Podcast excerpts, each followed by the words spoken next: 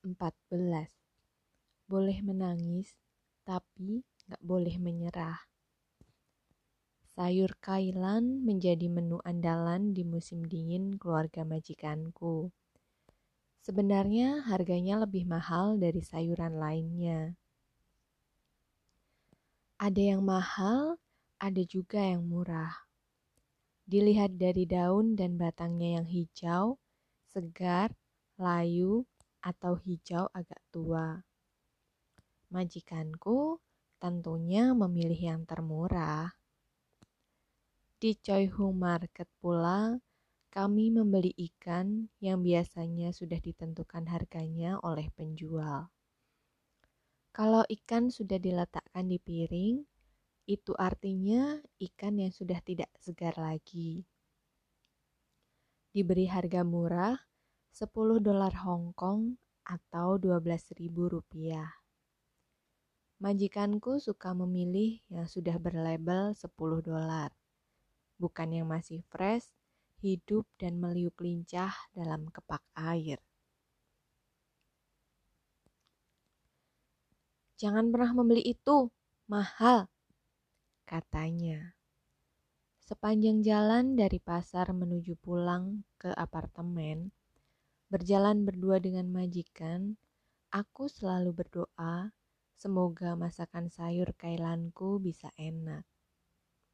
Entah kenapa, aku selalu didekan dan was-was kalau disuruh memasak kailan. Sebab setiap memasak kailan, seringnya aku kena damprat, omelan, dan cacian. Dengan penuh hati-hati, aku memasak kailan. Tapi menurut majikanku masih salah juga. Hari berikutnya ia membeli kailan lagi. Menungguiku di dapur. Melihat aku memasak kailan. Seperti caranya ataukah aku punya cara tersendiri? Karena dipelototi dan diperhatikan, tentu saja aku grogi bukan kepalang. Aku berusaha menetralkan atmosfer tubuhku yang mulai menghangat.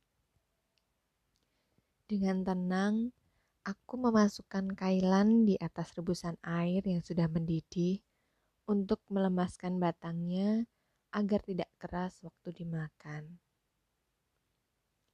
Kamu itu kerja ngapain? Masak lauk saja tidak bisa. Itu kata pertama sambil membentak-bentak. Mulutnya mengeluarkan ritmis muncrat ke wajahku. Menjengkelkan, bukan begini caranya masak, gila.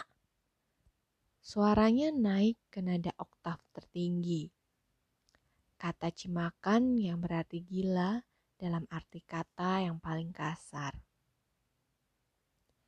Biasanya mereka akan mengucap kata cisin untuk gila selengean bahasa biasa. Kalau sudah mengucap kata cimakan, itu berarti dia benar-benar gak menghargai kita sama sekali. Seperti dia mengatai kita dengan kata fuck. Dalam bahasa kantonis, kata kasar yang paling kotor adalah cimakan. Kalau bahasa Mandarinnya, secingping. Setiap aku melakukan kesalahan, dia akan berkata seperti itu berulang-ulang dan kata-kata kotor lainnya. Telingaku menebal dan berusaha mengabaikan. Puncak kemarahannya, waktu itu aku didorongnya menghantam tembok. Tangannya sambil mengaduk-aduk sayur kailan dalam wajan. Mengomel lebih keras sampai tetangga sebelah melongok lewat kaca jendela, mendengar kegaduhan ocehan majikanku. Mendengar suara berisik setiap hari dari apartemen rumah majikanku, bagi mereka sudah biasa. Salahku adalah sayur kailan itu mau aku rebus sebentar. Tapi majikanku bilang gak perlu direbus. Aturan dari agen memberikan tip seperti itu. Aku juga sudah bertanya pada mbak-mbak di pasar yang sudah lama bekerja di Hong Kong. Batang yang keras harus direbus, direbus terlebih dahulu agar sedikit empuk dengan sekali didih. Mataku sudah memerah, tapi aku tahan. Aku gak boleh menangis di depan majikanku. Adat orang Hong Kong kalau melihat orang yang dimarahi menangis itu, artinya tidak menghormati. Sebisa mungkin aku tahan. Dorongan itu meninggalkan trauma kecil dalam ingatanku. Esok harinya, kali ketiga memasak kailan, aku masih juga salah. Sumpit yang dibawanya buat mencicipi masakan dipukulkan ke pundakku dengan kasarnya. Aku berharap punya hati dan jiwa cadangan agar tidak mudah lemah dan menangis. Setelah ia keluar dan membanting pintu dapur, aku mengangkat kailan yang sudah matang dengan gerimis di mata dan hati lembab membasah. Dari jendela dapur yang menampakkan kelap-kelip lampu apartemen lainnya, aku menatap langit yang sudah gelap warnanya. Langit selalu jadi tumpuan kekuatanku. Allah ada di sana. Allah tahu aku gadis yang kuat. Bukankah sabar itu hadiahnya surga? Majikanku tidak pernah merasa bersalah dia merasa kekesalannya padaku puas dengan melakukan serangkaian aksi tangan itu. Aku juga tidak berani melaporkan ke labor, tempat pengaduan. Biarlah aku tahan hingga finish kontrak dua tahun.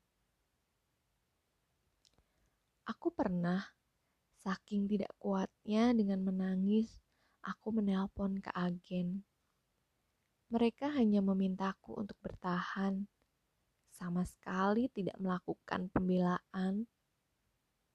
Mungkin mereka tertawa, seolah aku mengada-ada. Aku tak peduli.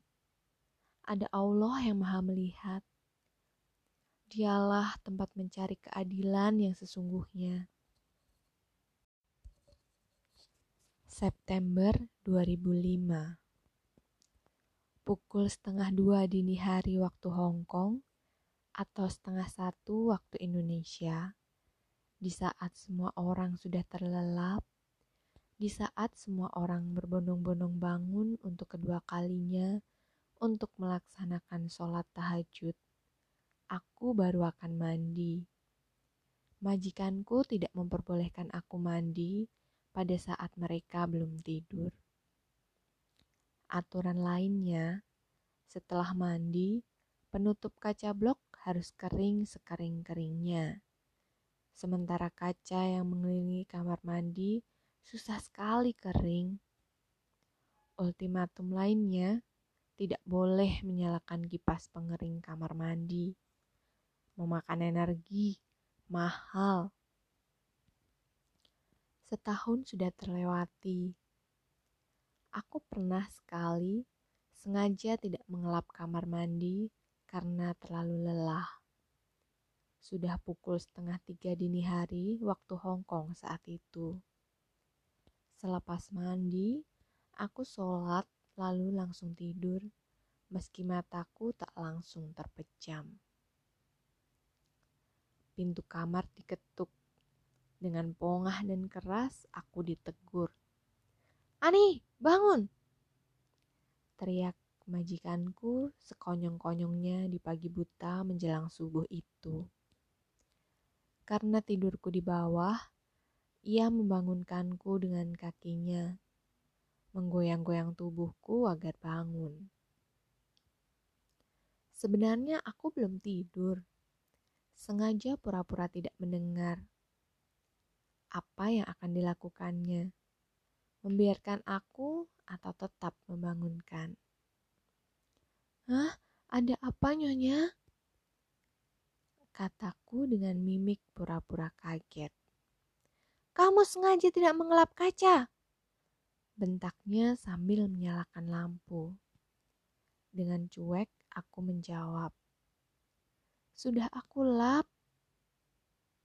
Penipu, lap sekali lagi, cepat. Disingkapnya selimutku cepat. Aku pun bergegas bangun. Lap kaca itu dilemparkannya ke wajahku. Lalu pintu kamarnya digebrak. Ternyata majikanku selalu mengawasi. Aku pun mulai hati-hati dan tidak pernah lagi lupa mengelap kaca blok kamar mandi. Aku menatap langit kembali, berusaha mengusir sedih yang menyerang datang. Merapal lagi doa-doa, ufuk mataku sudah mengalir dua anak sungai. Mengalir dan semakin banjir. Wajah ibu mulai membayang. Wajah kakak juga adikku. Bayangan mereka seolah-olah menguatkan aku untuk tidak menyerah pada keadaan. Kuusap pelan dengan ujung selimut. Tidak ada kebahagiaan yang dilewati tanpa air mata. Seandainya pun air mata bisa bicara, akankah dia menuntut balas? Kenapa dia dijadikan ada? Ketika air mata terlahir. Apakah air mata punya rahim? Jika iya, dari mana ia terlahir? Air mata menjadi simbol sedih dan haru. Kematian misalnya, atau terlahirnya seorang bayi. Dan air mata jadi satu-satunya penanda. Air mata pernah ingin menemani kesedihan. Jika ia punya pilihan, mungkin ia ingin menjadi pasangan kebahagiaan, tapi ia tak bisa memilih karena kita ada oleh titahnya. Air mata pun demikian, menjadi jembatan antara suka dan duka lara dan bahagia. Yang jelas, keberadaan air mata menjadikanku lebih kuat dari sebelumnya.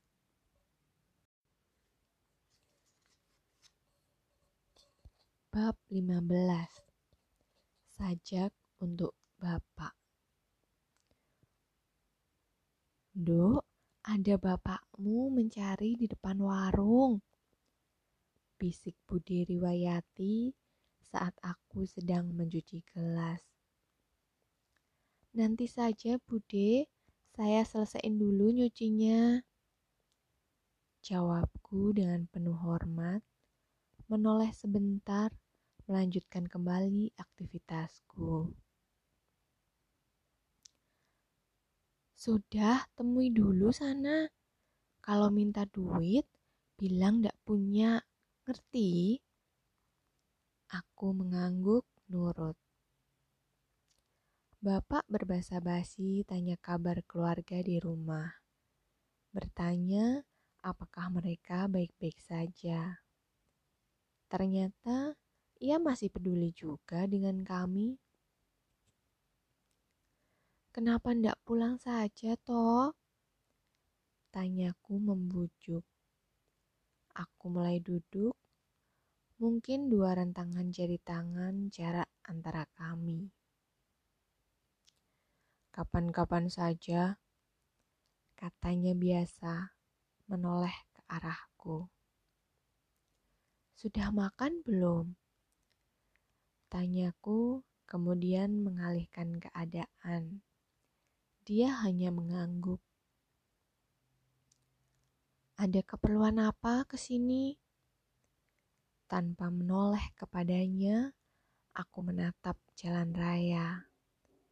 Kami duduk di kursi yang sama, tapi perasaan asing yang terasa.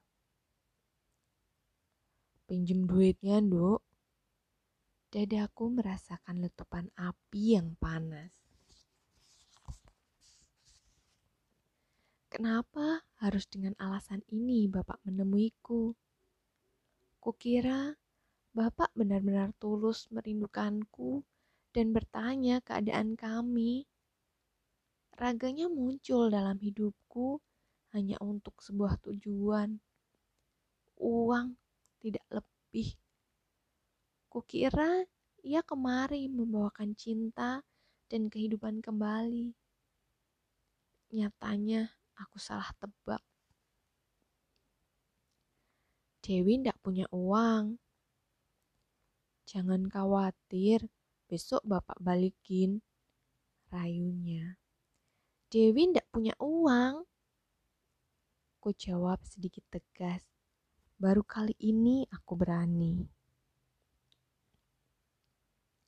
kerja mosok ndak punya duit, bapak janji tak balikin besok. Ada orang mau membayar pesanan teralis besok. Aku acuh, tapi hatiku telah hancur lebur. Dewi cuma tenaga bantu di sini. Dibayar dengan sepiring nasi saja Dewi sudah bersyukur. Apalagi diberi tempat tinggal. Apa pantas kalau Dewi minta bayaran? Aku meninggalkan bapak di kursi panjang di depan warung. Bapak menatapku memelas. Mataku tak berani memandangnya. Aku menuju etalase kaca, tempat lauk pauk diletakkan dalam warung. Mengambil kertas minyak mengisinya dengan nasi dan lauk pauk seadanya yang mampu kubeli dengan uang dalam kantong. Kubungkus rapi dan hati-hati. Aku berdoa dalam hati. Ya Allah, kenyangkanlah perut Bapak dengan makanan yang tak seberapa ini. Semoga Bapak mendapat pinjaman uang di tempat lain. Amin. Aku melangkah ke depan lagi menemui Bapak dengan perasaan sedikit ringan. Bawa ini pak, buat ganjal perut. Maaf, Dewi ndak punya uang. Dewi harus cuci piring lagi. Masih banyak pekerjaan menanti di belakang. Kali ini, aku benar-benar meninggalkan Bapak tanpa menoleh ataupun berbalik untuk mengatakan kami rindu. Tidak, mulut ini terlalu kaku untuk mengatakannya. Tanganku kembali menceburkan diri dengan serabut kelapa dan sabun pencuci. Menggosok pelan ke dalam gelas dan piring agar sisa-sisa nasi kering yang tertinggal luruh bersama busanya. Aku ingin menangis, tapi aku malu. Bukan di sini. Bertahanlah air mata. Pintaku pelan dengan sedikit isak yang kusembunyikan. Bapakmu bilang apa, Dok? Wajah Budi Riwayati pias. Biasa Bude minta uang. Oh iya, tadi Dewi ngambil nasi sebungkus untuk Bapak. Ini ganti pembayarannya, Bude. Kuulurkan tangan kananku dengan uang lima ribuan. Bude tidak mau menerima. Digenggamkannya uang itu kembali ke tanganku. Aku menunduk dalam tak berani menatap bola mata Budi. Dia menarik dan membenamkan kepalaku di dadanya. Aku tak bisa berkata apa-apa, hanya linangan air mata ini yang sanggup bicara tanpa dusta. Bertahun-tahun kita terpisah tanpa kabar Kesepian memakut tanpa ingar-bingar. Pernahkah selindap rasa menggeletar pada hatimu? Atau gelagak rindu merajuk pilu? Pernahkah? Gemeretak gigi menggigil karena dingin. Keriap mata mengerjap-ngerjap kemasukan debu. Di mana pelukmu? Di mana perlindunganmu? Ketika anak-anak lain dengan bangganya menggandeng bapak ibu mereka, membawa hasil raport dengan ceria. Di mana kamu? Ketika Pak RT mengetuk rumah, mengundang untuk hajatan. Bapak ada, Nduk. Aku menggeleng. Di mana kamu? Ketika angkutan penuh, aku melihat anak itu di pangku di atas paha ayahnya. Kapan aku merasakan itu? Sungguh, aku tak butuh semua itu. Aku hanya ingin izinkan aku memelukmu, walau satu detik saja itu sudah cukup buatku membebat rasa. 9 Juni 2012 6.58 PM Valais Sengsui Hong Kong. Bab 16 Apa pun yang kau punya, berbagilah. Tanaman apa pun yang dihunjamkan tangan ibu ke jantung tanah selalu bisa tumbuh dengan subur dan bermanfaat buat orang banyak. Berbagai macam tetumbuhan dapur ada di pekarangan depan rumah kontrakan kecil kami. Ada pohon pepaya Bali yang berwarna kuning bila mentah dan bila masak berwarna merah bukan seperti buah pepaya Jawa yang kebanyakan mentah berwarna hijau dan jika masak berwarna kuning. Dua batang pohon pepaya itu menjadi daya tarik bagi rumah kami. Ada yang ingin mencicipi, ada yang mampir minta biji. Ibu tak pernah segan membagi. Ibu juga menanam tumbuhan merambat yang daunnya tunggal berbentuk jantung. Tumbuh berselang-seling dengan ujung runcing. Bila diremas dan diberi air, akan menghasilkan cairan hijau, semacam cincau. Ibu bilang itu cincau hijau, sama seperti cincau hitam yang dijual di pasar tapi cincau hijau lebih sehat dan berkhasiat. Jika teman-temanku sedang main ke rumahku, aku selalu membuatkan remasan daun itu.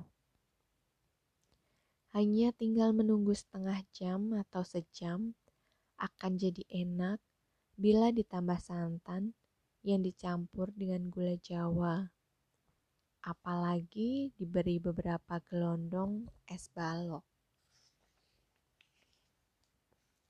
Pintu rumah kami sering kali diketuk oleh tamu, meminta izin untuk memetik daun pandan. Daun pandan yang ditanam ibu sungguh lebat dan subur. Terkadang ada penjajah makanan juga turut mengambil daun pandan itu. Ada jahe, kencur, serai, cabai, dan beberapa tanaman tumbuh bumbu dapur lain memenuhi pekarangan kami yang tak seberapa besar. Karena seringnya aku yang membuka pintu, aku jadi geram sendiri dan marah-marah pada ibu. Kenapa sih ibu selalu memberi cuma-cuma sama mereka? Kita hanya menanam, mereka yang memetik hasilnya. Protesku kurang suka. Pemikiran yang amat jahat kalau aku mengingatnya. Ya ndak apa-apa towo, kata ibu santai, tak tampak gurat sebal atau jengkel. Kalau minta terus-terusan ya rugi dong bu, suruh bayar bu. Sungutku sebal. Keenakan mereka toh bu. Cecarku kembali masih belum terima. Itu namanya sedekah, wo. Ganjarannya surga. Aku menelan ludah dengan kata-kata ibu barusan. Sedekah imbalannya surga, bisikku lirih. Sebaik-baiknya manusia adalah manusia yang bisa bermanfaat buat manusia lainnya. Semakin sering kita berbagi, semakin mudah kita mendapatkan rezeki.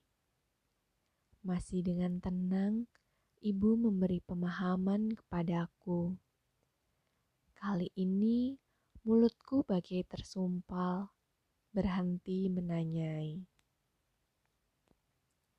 Detik demi detik, aku mulai malu sendiri. Ibu masih berkutat duduk di atas dingklik mengulek bumbu untuk membuat menu makan siang. Aku bangkit, menimang-nimang di bawah daun jendela, mengamati orang lalu lalang yang lewat di depan rumah kami. Tak ada lagi rasa jengkel ketika orang-orang mengetuk pintu rumah. Wo, kalau ada orang minta jaya atau serai, bilang saja suruh ambil sendiri lain kali. Gak perlu mengetuk pintu rumah. Teriak kencang ibu dari dapur serbaguna kami. Nggih, Bu. Di apartemen bernomor 39 ini, aku kerap kali melewatkan waktu duduk di dekat jendela sebelum memejamkan mata. Aku begitu menyukai malam. Bagiku, malam adalah pengganti pelukan ibu untuk sementara. Dengan menatap jendela, langit terlihat begitu indah, tidak pernah membosankan. Dari sini, aku melihat jembatan layang dan jalan tol masih penuh kendaraan beroda empat. Truk-truk pengangkut barang berat selalu lewat di jalan tol besar itu. Bandara lama Kaitak juga bisa terlihat dari sini.